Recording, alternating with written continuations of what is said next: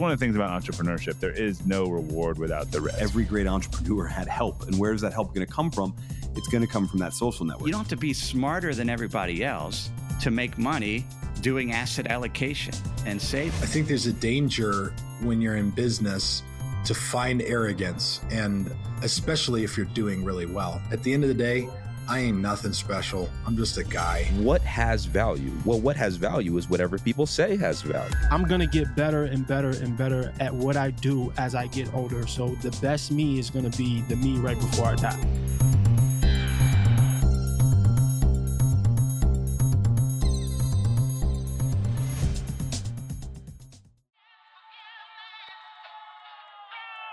Hey, family. Welcome back to the Marketplace Podcast. I'm your host, Priest Willis, and on today's episode, number 168, I'm joined with Kevin L. Matthews II. Kevin is an author and founder of Building Bread and former financial advisor. Currently, Kevin is the Director of Consumer Information for New York City's Office of Financial Empowerment, where he oversees strategic initiatives. He's helped hundreds of individuals plan for their retirement, in addition to managing more than $140 million in assets during his advisory career. By 2017, he was named one of the top 100 most influential financial advisors by Investopedia. I wanted to talk to Kevin. He has great articles out there on NerdWallet, Wall Street, and other places that we're all familiar with. But I wanted to talk to him about today's economy and how we can all look to improve ourselves financially. So, if it's time for a financial checkup, this is a great place for you to start. We had a great conversation. Hopefully, this is something that can help you. Without further ado, here is my man, Kevin L. Matthews II.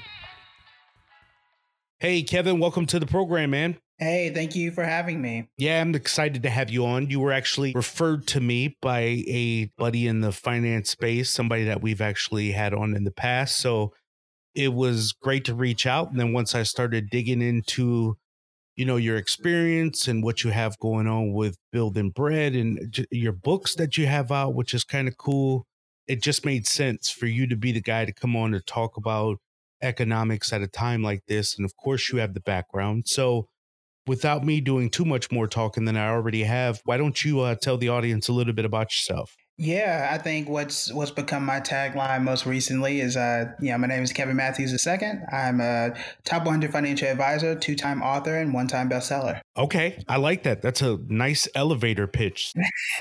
how how did you get into finances? I mean, were you growing up were you interested in investing or you know did you go to school for economics? I mean what what kind of brought you to the point that you're at today? Yeah I, I, think it started early and then just kind of evolved the older i got and once i went to school and everything. So i'm born and raised or was born and raised in tulsa oklahoma which is the heart of black wall street and that's where my finances that's that's when when financial literacy and investing came into play and not necessarily because of the history and the wealth that we had because of the wealth that we did not have and where if you were to go to Tulsa today. There's going to be a lot of news attention this time next year around April, May, June of 2021 because it'll be 100 years after. And you will find from people that you talk to there they still have not reached that level of wealth of where they were 100 years prior.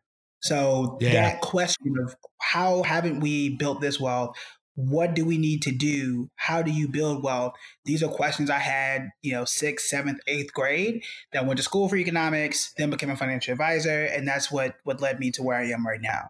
That's impressive. I just read an article last night, I believe it was in Black Enterprise about Black Wall Street, or at least that area in Tulsa there getting some funding, right, to kind of restore yeah. even more more so where it was at. So that's cool. And then the history of it and next year kind of this shrine, if you will, maybe that's not the right word that it's coming into. And then the fact that you were aware enough growing up to just understand the symbolism of Black Wall Street because you know obviously that's been lost. I mean, you know, finances is very systemic and black people have been left out for a very long time and then you know people look at ticker tapes and they hear the words 52 week high and low and they they hear percentages and they just turn off and they don't want to learn more about it. So I liked kind of your approach on why you created the blog. Your book was very well written, by the way. I mean, it talked in Yeah. very newer terms or recent terms, right?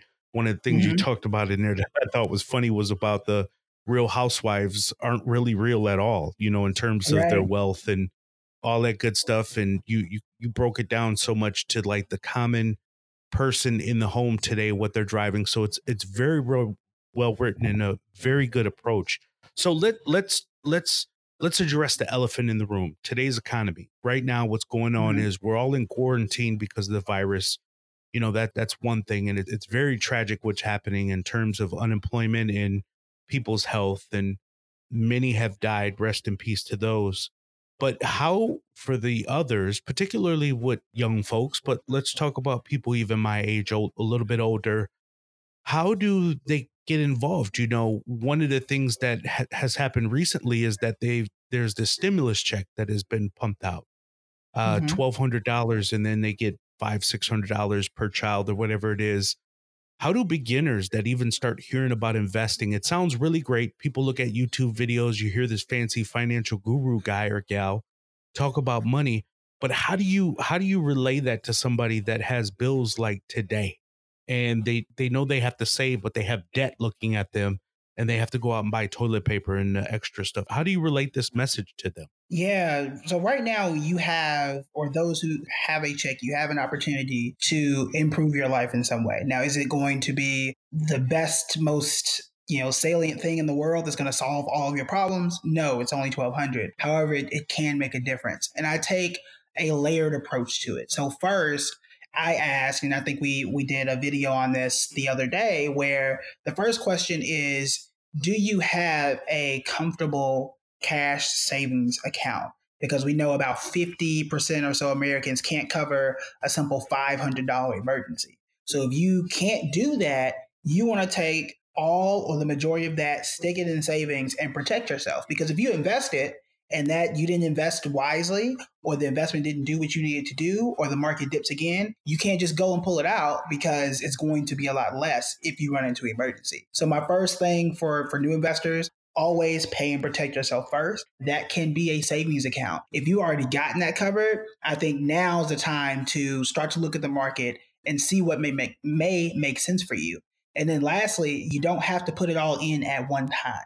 You could easily, if it's twelve hundred, do $100 a month in whatever stock or fund that you want to do. And that's also going to help manage your risk over time. Now, Kevin, am I crazy? You're the financial advisor here, so I'm just playing the other side of it. Uh, Mhm. Am I crazy here that if I have credit card debt, and maybe on some of these credit cards, we're talking about 25% interest, right? Uh, you know, Mhm. people unfortunately sign themselves into crazy stuff. You had that as a recurring monthly. You haven't paid it on time. You haven't done the the necessary steps.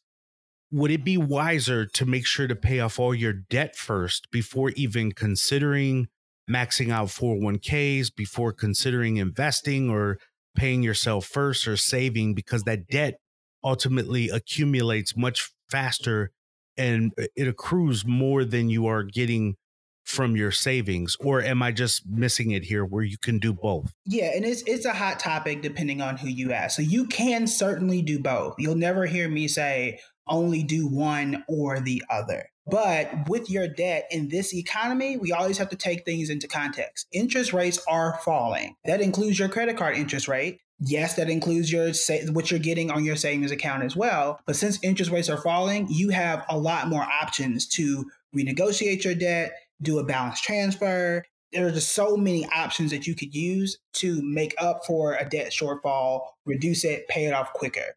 If you're not investing, let's say let's say in, in the example of your 401k, time also compounds. And the money that you're not investing for two, three, four, five years because you're aggressively paying off your debt and not investing, you will never catch up. If you stopped investing for two, three years, that could cost you 10, 20, 30, 40, 50,000 dollars by not Mm. having that money compound what we don't always realize is you know you have to separate those debts and see which which are most important So if I had to to choose, yes, I'm going to attack the credit card debt because, like you said, that's going to compound a lot faster. You could be paying anything between 15, 16, 17% interest. That's a lot. So, yes, it makes sense to knock that out. Student loans, mortgage debt, those are different. Yes, those are important. Right. You have to pay those off, but it's not in the same light as a credit card. And you can do both. But if I had to choose, I would almost never tell someone to pay off their debts first before saving or before investing because again, if you don't have a save a comfortable savings now and something happens, you have no other choice but to go to debt. Having that savings and that cushion first can help prevent and lower the debt load that you may have there. That's great. That's really good stuff. And one of the things that I've been saying, and you'll probably agree with me here, but this $1,200 stimulus check for those that are getting it, you know, it's one foray into the investment space. And we'll, I'll, I'll kind of talk to you about stock market 101 to kind of help take away the scare that people might have there. But do you believe that the fact that the Fed is printing off $2 trillion in this money right now, there will be inflation to follow it? And well, first of all, let me ask that. Do you believe inflation is going to come behind this $2 trillion that's been being printed off by the Fed? No. Okay. You don't, you don't think, okay. Okay. So e- even with, I can I can explain why though. please, please I, I, I was gonna I was gonna ask why, but I was like, well, he but he believes so much. He just said no quick. I didn't know if you had to follow. Uh, I, I so the, the the answer is no because the data has has essentially given us that. So there there are a few things. So for those who don't know, inflation is the rising price of goods. So for example, college that's inflation. it's way more expensive for the exact same degree. So if you want to know what inflation is, that's that's the easiest way to understand. Right. And then you have hyperinflation, which you could also say is college, but that's when things just drastically just get out of hand and are way more expensive. So the reason why we're not I don't feel we're going to see inflation or hyperinflation because of the stimulus. A few reasons. So, number one, this is not the first stimulus that we've ever had. I think Bush had a stimulus package back somewhere during his term between 2000 2004 or so mm. and we did not see that it's also a one-time payment to a certain segment of people it is not $1200 a month across the board for everybody for mm-hmm. eternity so that is another thing that we should also consider and then lastly you have to realize that the studies that we've done when it comes to like universal basic income, paying people $1,000 or $500, whatever it is, consistently. I think they've done this in Alaska. They've done it in some parts of Seattle and others, where they paid a community or an entire town or city a consistent monthly dividend or income, and there was no inflation in those cases. So, because this is a one time thing, it's not going to everybody, it's just going to certain people. I highly, highly doubt that we're going to see inflation. You bring up a really good topic. Now, I don't mean to make this political, but what's your thoughts around UBI, uh, Universal Basic Income, where that one thousand yeah. dollars that was for Alaska? What how, what do you believe? Where do you where do you ride along that line? Again, there have been several cities and even some countries, some European countries that have experimented with it and tried it, and the experiments have been pretty good. I do think that. So, can we afford it? Number one, as a as a country, could we afford it? yes, maybe it depends on what you cut to do that. So, like, would you take out Social Security and then you just get this monthly dividend forever? Maybe that could work. I think there are situations where it could be useful because when you're in a situation like this where people aren't having jobs and can't work to no fault of their own, we need to have something to just sustain people so they can still go and buy things from whatever company or store. And it does benefit everyone. If you have a business, you want people to have extra money to spend. Mm. That is only going to help you. If you are a bank and people are getting $100 or $1,000 a month, you want them to have that so they can save more money at your bank, which is going to help you lend more and stimulate the economy even further. So there is a case to be made that if we can afford it, it would be beneficial. Um, it's only going to help raise tax revenue and it's going to help everyone across the board. And again, in the experiments that we have, though they have been small, we haven't really ex- experienced any inflation there. That's really good. So, you know, for somebody that that's listening to this, they agree with you that look, you know, the debt is going to be there unless it's crazy. Kevin is right. I need to start investing a little bit or at least getting the ball rolling, not even at the full 1200 that my check may be, and even beyond stimulus. Let's just say for those that are still working Mhm. and they want to get investing, but to this point, they've just been too intimidated by the numbers and the small different percentage points that roll across their screen. Real practically, how can you walk somebody through at least A through D on getting involved in investing? Now, there's some really cool tools out. When I started 20 plus years ago, literally, I was doing drip accounts with like Home Depot and Pepsi because I read it as the hot thing in Black Enterprise magazine, even before there was a digital. But now there's cool stuff like Mhm. Robinhood and Webull, I think it is, and all this other stuff. But how would you walk somebody through? Here's how you get started. Here's what I would look at. Here's how I would invest in every every company that I invest in may not work for you. What are those practical steps that you would walk somebody through to get involved in stock investing? Yeah, yeah. So I, I think the first thing is is understanding who you are as an investor. Meaning, are you someone who's willing to to be aggressive, or are you someone that's going to be conservative? Mm. Because anybody can throw a stock out there, right? Um, something like Tesla is going to be a ride, really high and also really low at times. And for some people, that's okay, um, but that's not for everyone. And then there's there are some stocks like AT and T, super boring. Coca Cola, really boring. They're going to grow, but it's not going to knock your socks off. So the first thing is understanding who you are and where you are as an investor. There are people out there that say, I don't like losing money. I don't like the the ups and downs of the market, so I'm going to go invest in Bitcoin, which we know was not the best thing to do. right. So yeah, so what you invest in needs to match your personality. So that's number one.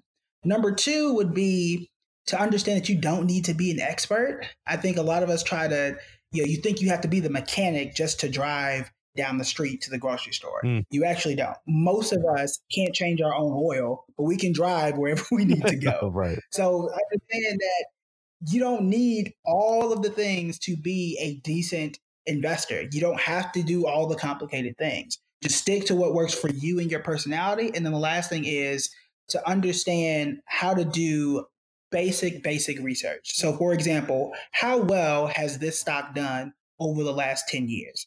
That's a simple question that you that you should be able to answer through Yahoo Finance, a quick Google search, and that's what's going to give you the answer. Those are the three things that are going to help you. I like Webull, you had mentioned earlier. I love Cash App. Yes, you can invest on Cash App. It's very, very simple. But those are things you want to ask yourself because, for example, people right now are saying, I want to put my money into to these cruise line stocks. Hmm. I want to invest in Carnival Cruises, Royal Caribbean, so on and so forth.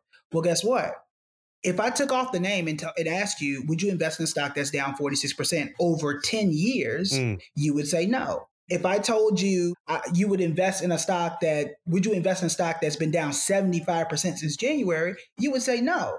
But then when I tell you it's Carnival Cruises, people would just jump into it anyway. Right. That's not what you want to do. You want to understand, you can ask yourself, how well has the stock done? That's going to give you a better answer. It's going to help you out as an investor, as opposed to just hoping that you think things are going to do to do better for you. You brought up two important things because I was that guy, by the way, that put money in Norwegian and literally lost half Uh-huh. in like a couple weeks or something Yep. like that, Mm-hmm. which was a few weeks ago, maybe a month or something ago, and it literally dropped in half. So you bring up really good points when you brought up Bitcoin and the idea of jumping into a hot stock, and this is trends. People that tend to get caught up in the shiny thing, right? Bitcoin was very Right. shiny a couple years ago because it jumped up 18,000. No one could tell you why, but they were certainly changing their Twitter handles to Bitcoin Yep. Guru and all that stuff until it dropped back Mhm. back down to normal. Your practice is always to like, you know, especially when you're first starting, stay away from the trends and like you said, focus on who you know you are and don't focus on who you know you're not, right? Right, right. And it's again, it's doing the simple things consistently. Right. That's what's that's what's going to work for you. Trying to hop on the hottest thing at the last minute is almost never a great idea. Um, we always forget for whatever reason, right? Like for whatever reason, we forget that some of the really boring investments still do very, very well. Um, Dollar General is up seven hundred percent over the last ten years Wow. boring, regular Dollar General. McDonald's has done extremely well over the last 10 years. We don't want that. We want to go get the hottest new electronic thing. All right. Right. And it's like, you know, we want to, we, and it's, it's weird because sometimes, and I've been there too when I started investing, we either try to like buy things super, super cheap and hope that they come up or buy the thing that is really expensive like a Bitcoin and hope that it continues. There is a middle ground, and that Mhm. middle ground can be really, really nice for you if you just play things easy, simple, and consistent. Hey guys, many of you know that I've started my own business in many different ways. I've started several different side hustles, and frankly, there's no real way to duplicate myself other than outsourcing my business.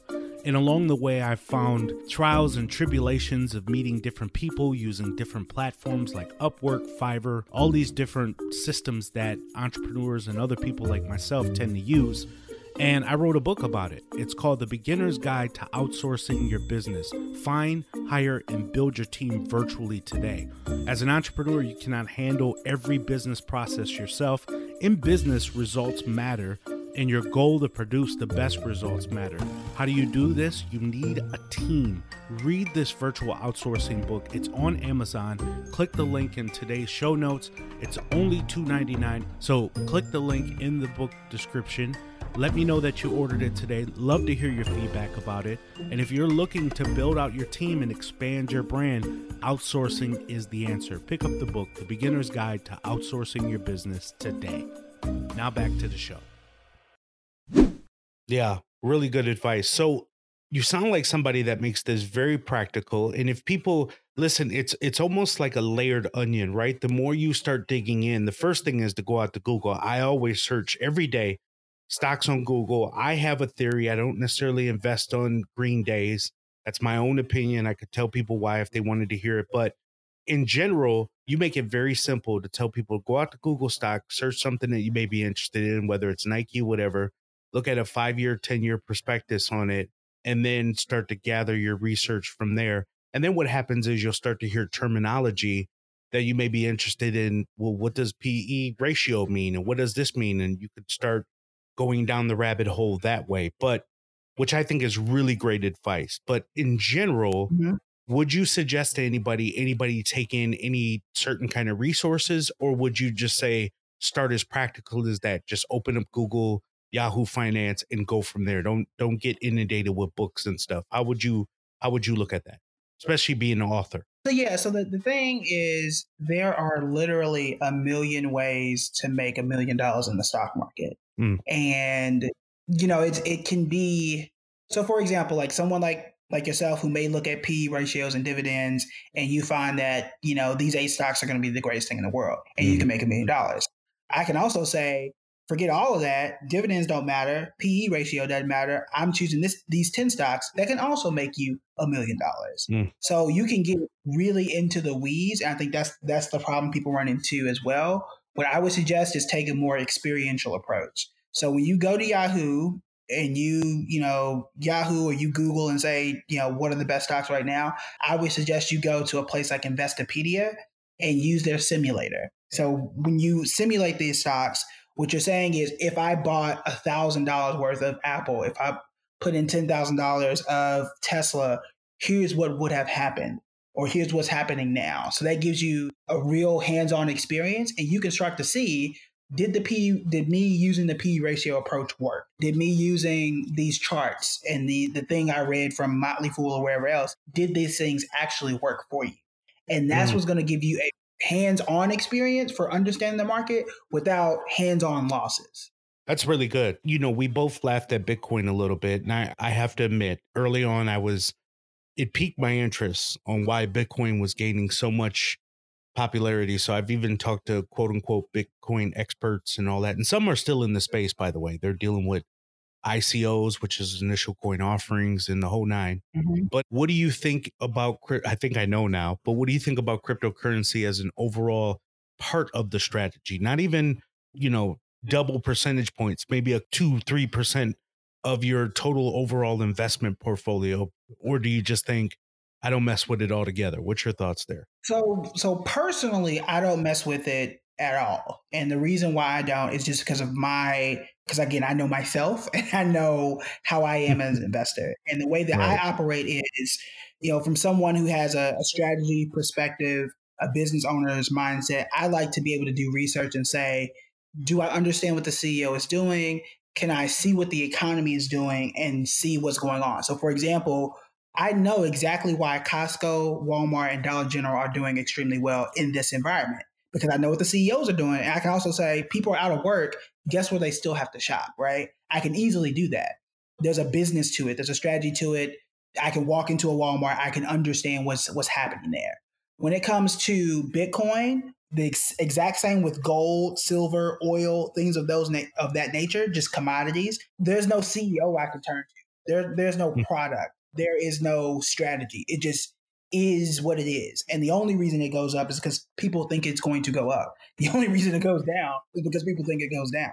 Not because of sales, not because of travel, not because of a, a virus. It just it just does what it does. So right. for me, I personally don't do it. However, for a regular average investor, I would limit it to no more than probably two or three percent just to kind of cover your risk. Got it. In your overall portfolio, do you have any real estate in there or is it largely just stock investments and other things like that? It is primarily stocks. I do, or I did recently add some um, some REITs. So for those who don't know, it's real estate investment trust, and mm-hmm. those essentially like how do you use the stock market to own land in shopping malls or the the land area around cell towers, things of that nature. So I did just recently add that to kind of add some diversity into my personal portfolio. And how'd you jump into that? What what what did you do to get involved into a REIT? Yeah, so again, I was I'd always been interested in REITs, but it just hasn't just hadn't gotten time to really dive into it. So I did did a bit more research to see one how do REITs do in this type of economy because yeah. anything I'm doing, I want to make sure that it fits within the overall context of what's happening right now. So a lot of the REITs I was looking into, again, they had a good 10 year track record. They were doing very well recently um, over the last year, over the last six to eight months. So I decided, hey, I think this is going to be a good a good play for me. But I also said I'm not going to make this more than like 15% of my portfolio. So I've added those. We'll see how they do over the next six to eight months. This is a really good conversation for me because I just did a podcast interview with Todd Baldwin, who was in CNBC for being a millionaire by the age of 27, blah, blah, blah. Mm-hmm. And he largely did it from real estate. And black folks mm-hmm. typically, not to say, you know, obviously a lot of millionaires have been made off of jumping into real estate, but I do enjoy someone that is saying, look, I'm making my hustle right now purely from the market and I'm I'm studying it well because they understand the the systemic that we've been kind of kept out for a very long time, black folks that is. Mm-hmm out of the knowledge of the market itself. So it's refreshing to hear about somebody that is kind of headstrong into the stock market. And I, I, I wish more black folks in particular would get involved deeper into the market like that. Yeah, oh, can we can we talk about real estate real quick in, in that aspect when it comes to to us? I, I want to.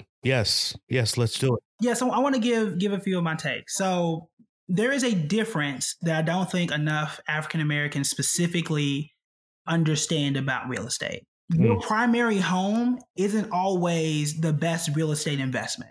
Like those who do very mm. well have tons of rental properties that can work for you. They're not invincible though. And commercial properties work extremely well. Again, nothing is as we see now, like people who aren't paying rent and people who aren't shopping, so your commercial properties aren't doing well. Like that's one thing we need to understand. And some people think that mm-hmm you know, real estate is always going to be the best thing in the world. That's not always true. Um, but when it comes to your primary residence as being an investment, people think that that's the case, and it's not. Our homes, on average, are valued at much less. We pay higher rates. You can ask several banks, Wells Fargo being one of them, who dis- who have discriminated against our community specifically. So when you buy a home or you buy a property, could it grow? Yeah, it could help. But when you compare it to the stock market or other ventures, you have to see what are you paying for that? Was the rate the same as what everyone else got and start to subtract those costs to see if you would have gotten the exact same thing. Because when people say I bought a house for a hundred thousand I sold it for a million. They don't tell you the taxes that they paid for it, the repairs that they put into it, the interest that they paid for it, and start to deduct those Hmm. costs to see if you actually made money. And they don't also see the house was really worth 300,000, but you didn't get that value because you were in the black neighborhood, if you will. So when we talk about real estate, yes, it can work. I'm not a real estate basher, but you have to see really, really do the cost for your specific situation. It doesn't work in every city. It doesn't work for every person, and it can be a lot more expensive. Where I can get a match if I'm putting money in my 401k. I can start investing in Kroger or Costco with $10 and build that thing up over time. I can put in a thousand dollars a year. I put, if I put a thousand dollars a year in a Costco ten years ago, I'd have one hundred twenty nine thousand dollars today. Put a thousand a mm. thousand dollars in a house and see where that gets you. You know, that may not even get you the mortgage. So again, that's that's my approach. Is I try to figure out where can I be liquid. Something else you can't do with real estate. You can't sell the door or half the house when you need it. Yeah. That whole thing has to go, Yes. and you're going to pay a broker and all types of fees with that. I can be super flexible. If I need to pull out money today, I can. Those are just some of the, the advantages that we don't always talk about. And we tend just to go to real estate because we can touch it and feel it. When the last time I checked, I can go to McDonald's right now and touch it and feel it because I own the stock. It's, it's really similar. Right. You always don't see it that way. That's really good because you and I see it exactly the same. And I'm not a owning a real estate basher either. I mean, I wrote a Medium article about this. I was debunking the idea that renting was bad. So Mhm. a lot of times, black folks who were renting felt condemned behind it. Yeah. So instead of doing anything, they just did nothing because they're like, I'm a renter, I'm nothing. And it's like, actually, you might be in a prime position just because you don't own a home to invest because you're much more liquid. And if you ever, anybody that looks at an amortization schedule that shows the interest in like the first 15 years of a 30 year loan right. will see clearly that you are a renter then too, because most of your interest is going to nowhere and your Right. your principal dollars are, you know, 20 20% of the the total overall number. So you are absolutely right. And again, this isn't to bash it because I know guys like the person I just talked to who does very well at real estate and so do others.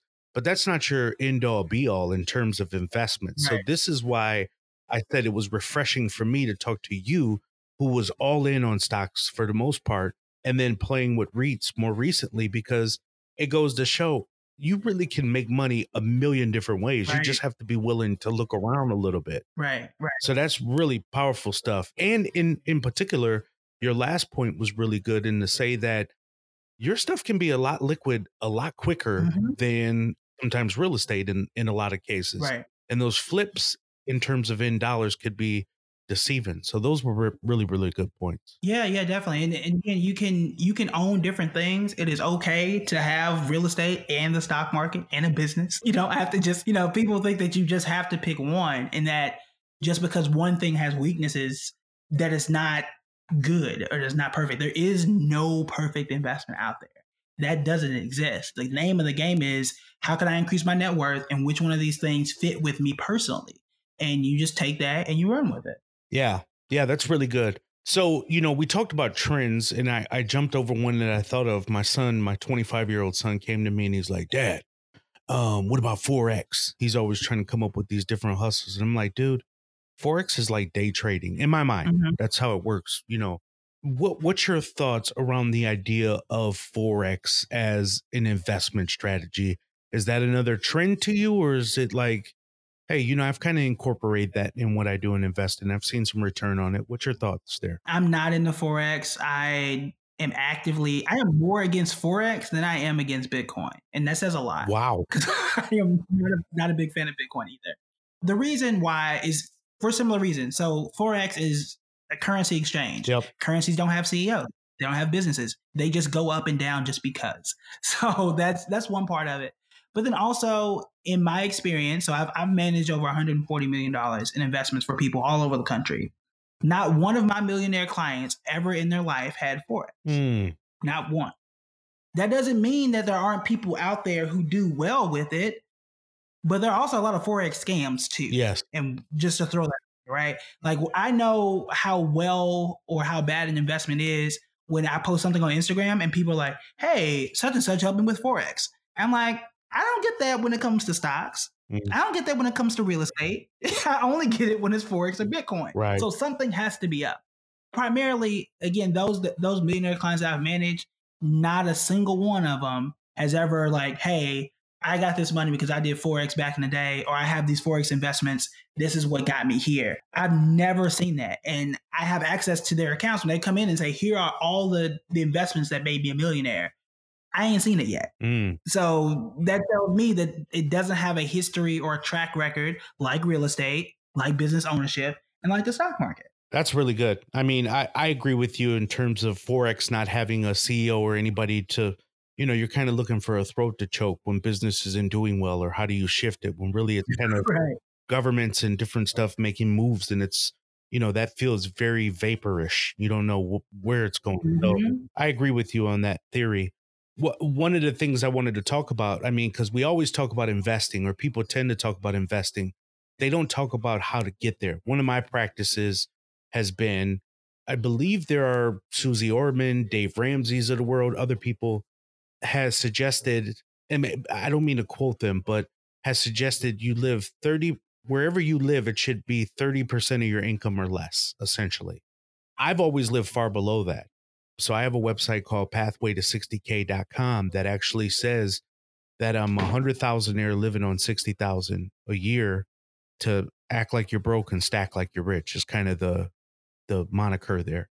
What's your approach Mhm. to saving? Like, what do you, what do you think is the best route? Do you think it's to, you know, when you're looking at a home, you, you live a percentage underneath your income? Do you save a set amount of percentage? Like what's your, how do you approach savings as an overall strategy for your home? No, that that is the the right approach that you had brought up earlier. So if you can stay below thirty percent, the lower you stay, the better off you're going to be. Yes. because you you've built in an advantage for you. So the most important thing I did when I graduated from Hampton University was to sit down and say, "Hey, they're going to pay me forty five thousand. Therefore, my rent can't be above you know Mm. five or six hundred dollars or whatever the rent was back then." That's right. and when I did that, because I knew it was going to be my most expensive thing. That's right. So if I can keep that, you know, if I can keep that at 10%, 15, as long as you're below 30, you're going to be fine. Right. Because once you start adding in groceries and student loans and daycare and things of that nature, if you're already at 80 or 90% and you're just spending that on rent, there's no other place you can cut. You can't cut your way and frugal your way into wealth if your living expenses are so high. And that's that's the key. If you can keep whether you whether you house hack and you have a duplex, somebody else is paying the mortgage, Mm. and you're living on the other side of the house, that's a great way to live. You know, that's a great way to financially live. I don't know if you want a roommate like that, but it's different strokes for different folks. So financially, it's a great way to live. You live rent free, and that can go to paying off your debt. That can go to investing. And when I had my radio show in New York City, I interviewed millionaires. I interviewed people who had done things like that. And that was a consistent factor across the board. They either lived in a super cheap city where rent was $2 or they found a way to have a bunch of roommates or lower their their fixed costs or their rent as low as possible. Some moved in with parents. We see this all the time on CNBC, uh, CNN Money, where it's like, you know, a 26 year old saves a million dollars. Well, how did they do that? They live with parents for five years, and there's no shame in it, but Yep. the math is still the same. That's that's the key. It's the math because they weren't paying rent or because their rent was super super low. They they were under thirty percent. They were under ten percent in some cases, so they could invest thousands of dollars a month. There they could go. pay off thousands of dollars in in debt because of that factor. You hit the nail just on the head. So the idea for me was always to go under 30%. Typically it was in half, around 15%. That way you saved yourself an additional 15%. If you can invest above that, fine. But you save yourself that 15% room if people are looking for ways to invest but say they don't have it. Otherwise, you've pushed yourself up to the to the end on a home. You know, most people have cars at least where I live in North Carolina, there's not there's not a Raleigh, North Carolina, Raleigh Durham area. There's not a great bus system like you see in other places, but it's it's it's southern living, right? So it's a little cheaper Right. to find something really nice. But there's some trade-offs there. But yeah, that's always the goal is that's where you find it. Because what I found, Kevin, is that people tend to go to their bosses for raises. They really respect and fight and claw to get increases in income. They find, you know, other side hustles to supplement their income, but they don't respect how that money goes out. So, you know, they're they're in this rat race of continuing to bring it in, but it continues to go out at the bottom of the bucket. So it makes no sense to me. And the only way to start cutting that off is diving into some of those fixed costs that you might have in your home, your housing being one of those. So that's great. It's it's good that I'm I'm in line with the way you may advise some people. And you you you did a lot of this Yeah. in New York, right? Oh yeah, I was I was I did a lot of this in New York, and you have to focus on on the big thing. So there are a lot of articles and people that say you really got to cut out the lattes. You really you know don't need the coffee every day because it's costing you two dollars a day, and if you invested that over a year, you'd have like you know X amount of money, which is all true. But what if I could cut out the three thousand dollars in rent I pay every month? Right. how quickly would that you know how quickly would i get those same results so for example for me we paid $3100 a month for a two bedroom in manhattan it Mm, was a nice place mhm. but when we moved down to dallas we got a bigger two bedroom for 1800 There you go. guess what extra you know extra 1500 or so went There you go. you know, like that, you get the exact same. Well, you don't get the exact same lifestyle, but like understand what that lifestyle is for you, right? Is the lifestyle important? Is it not having a roommate, having a roommate? Is it, you know, like figure out what that is? Because you can play offense. There's, I call it offense and defense. So defense is keeping your expenses low, or you can play offense and get a six figure salary. But that's a trade off. Like, can I side hustle my way to wealth? Yeah, but is it sustainable for you? Is that mm. something you really want to do? You know, there are people who are, you know, working the corporate law jobs that get burnt out in five years. Did they make a lot of money? Absolutely.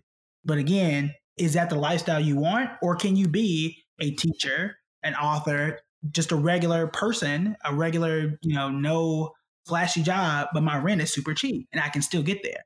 There are the, a high percentage of millionaires are actually teachers because they already have low fixed cost. They have, uh, you know, they live in in most places, not New York. Um, in most places, they live in places where they can invest.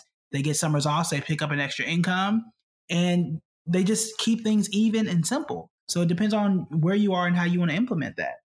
Yeah, that's really good stuff. So, look, you know, we talked earlier about you being an author. So, you have the blog Building Bread, where you said it's addressed to millennials, I believe, in your bio or something along those lines, but it's actually just great practical reading. That that blog has been in place now for almost 10 years and you know, Mhm. share with the people, you know, kind of why you started the blog, the books you currently have out there and how they can take in some of this content from you directly that they're hearing today. Yeah, so I started it because I was terrible at an internship in New York, and essentially my, my yeah, I was, I was my uh, my first internship was at ING Investment Management. They're now Voya, and I was the the intern for a lot of their 401k accounts. So how do they market their your mutual funds? How do they compare to others, so on and so forth. Well, at that time, no one sat me down and said, "Hey, here's what we do as a company. Here's what investments are. Here's what the stock market does. Here's how this whole thing works." I had no idea. I had to figure it out on my own, reading a glossary and stuff. And you know, it, it really frustrated me because I, I came in every single day. I was first one there, last one to leave, and not learning nothing. And I realized that you can either keep grinding or you can start growing. And me getting up every day wasn't doing anything because I wasn't mm. moving forward. So because of that, that's why I started building bread to like all the things that I did learn. How could I explain it in a really simple way? Because by the time I figured it out after the internship was over, I'm like, man, this is really easy. Why were they using these complicated terms? Why weren't they? Why were they showing me all these really crazy charts instead of just telling me this is what it is and this is how it works? So that's why I started building bread to help really set, simplify, and achieve, or help people to do that with their goals. And people who are looking to find me, you can find me on all social medias at Building Bread, Facebook, Twitter, Instagram. I'm really accessible, I am told. So you will likely get a response from me on any of those platforms. That's amazing. Hey, going back to your ING experience, which I'm I'm familiar with, mm-hmm.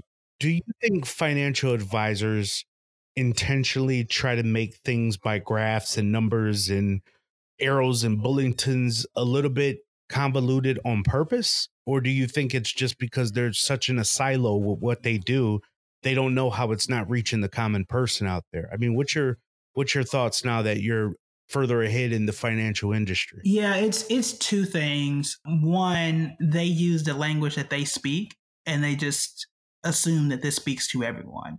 So, you Mm. know, when you if you grow up in a space where this is all you've known is all these numbers and all these charts and all these graphs, and then you show it to somebody, you assume like, oh, of course you know this. I mean, it's like when we hopped on this podcast, I assumed that you knew English.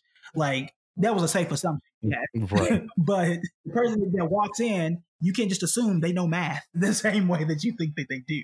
So that's, that's one. And the other thing is the compliance part of it, which most people don't talk about. Like you have to have all the fine print for everyone to understand and show all of the correct assumptions because we all come in with different various levels of understanding in the market. So if I look at a chart over 10 years, I'm thinking, oh, this is going to be the greatest thing ever. When in actuality, over the last 100 years, is a terrible stock.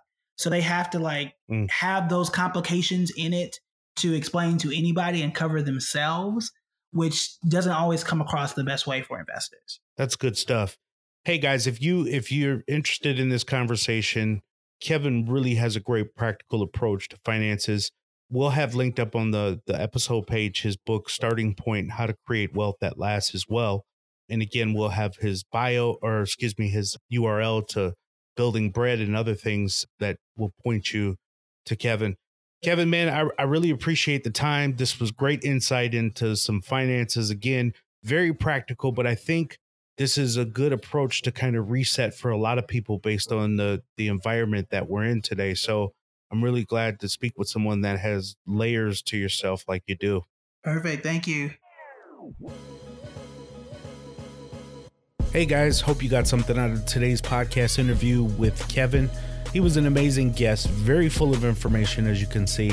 I thought today was a great discussion because it was in contrast with our last discussion that we had with Tony Baldwin, who talked about how he builded his wealth with real estate, where Kevin is stuck on stocks. So, as you can see in the finance world, there is no one silver bullet. There is a lot of people doing a lot of things in a lot of different markets. So if you're one isn't working for you, that doesn't mean you quit altogether. It means that you maybe shift or diversify more.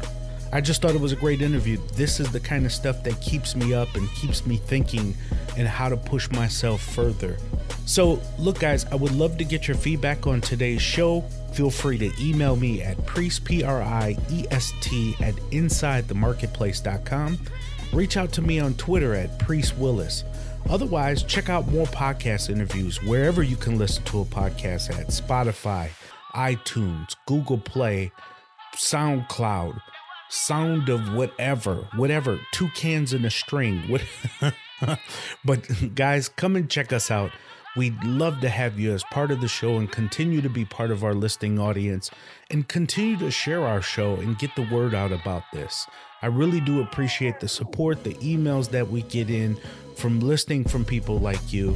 And uh, turn those into feedbacks on iTunes. That means something there in their algorithm or something along those lines. But I really do appreciate you. Until next Sunday, when we have another great guest, I'll talk to you soon. I'm the best ever. My style is impetuous. My defense is impregnable. And I'm just ferocious.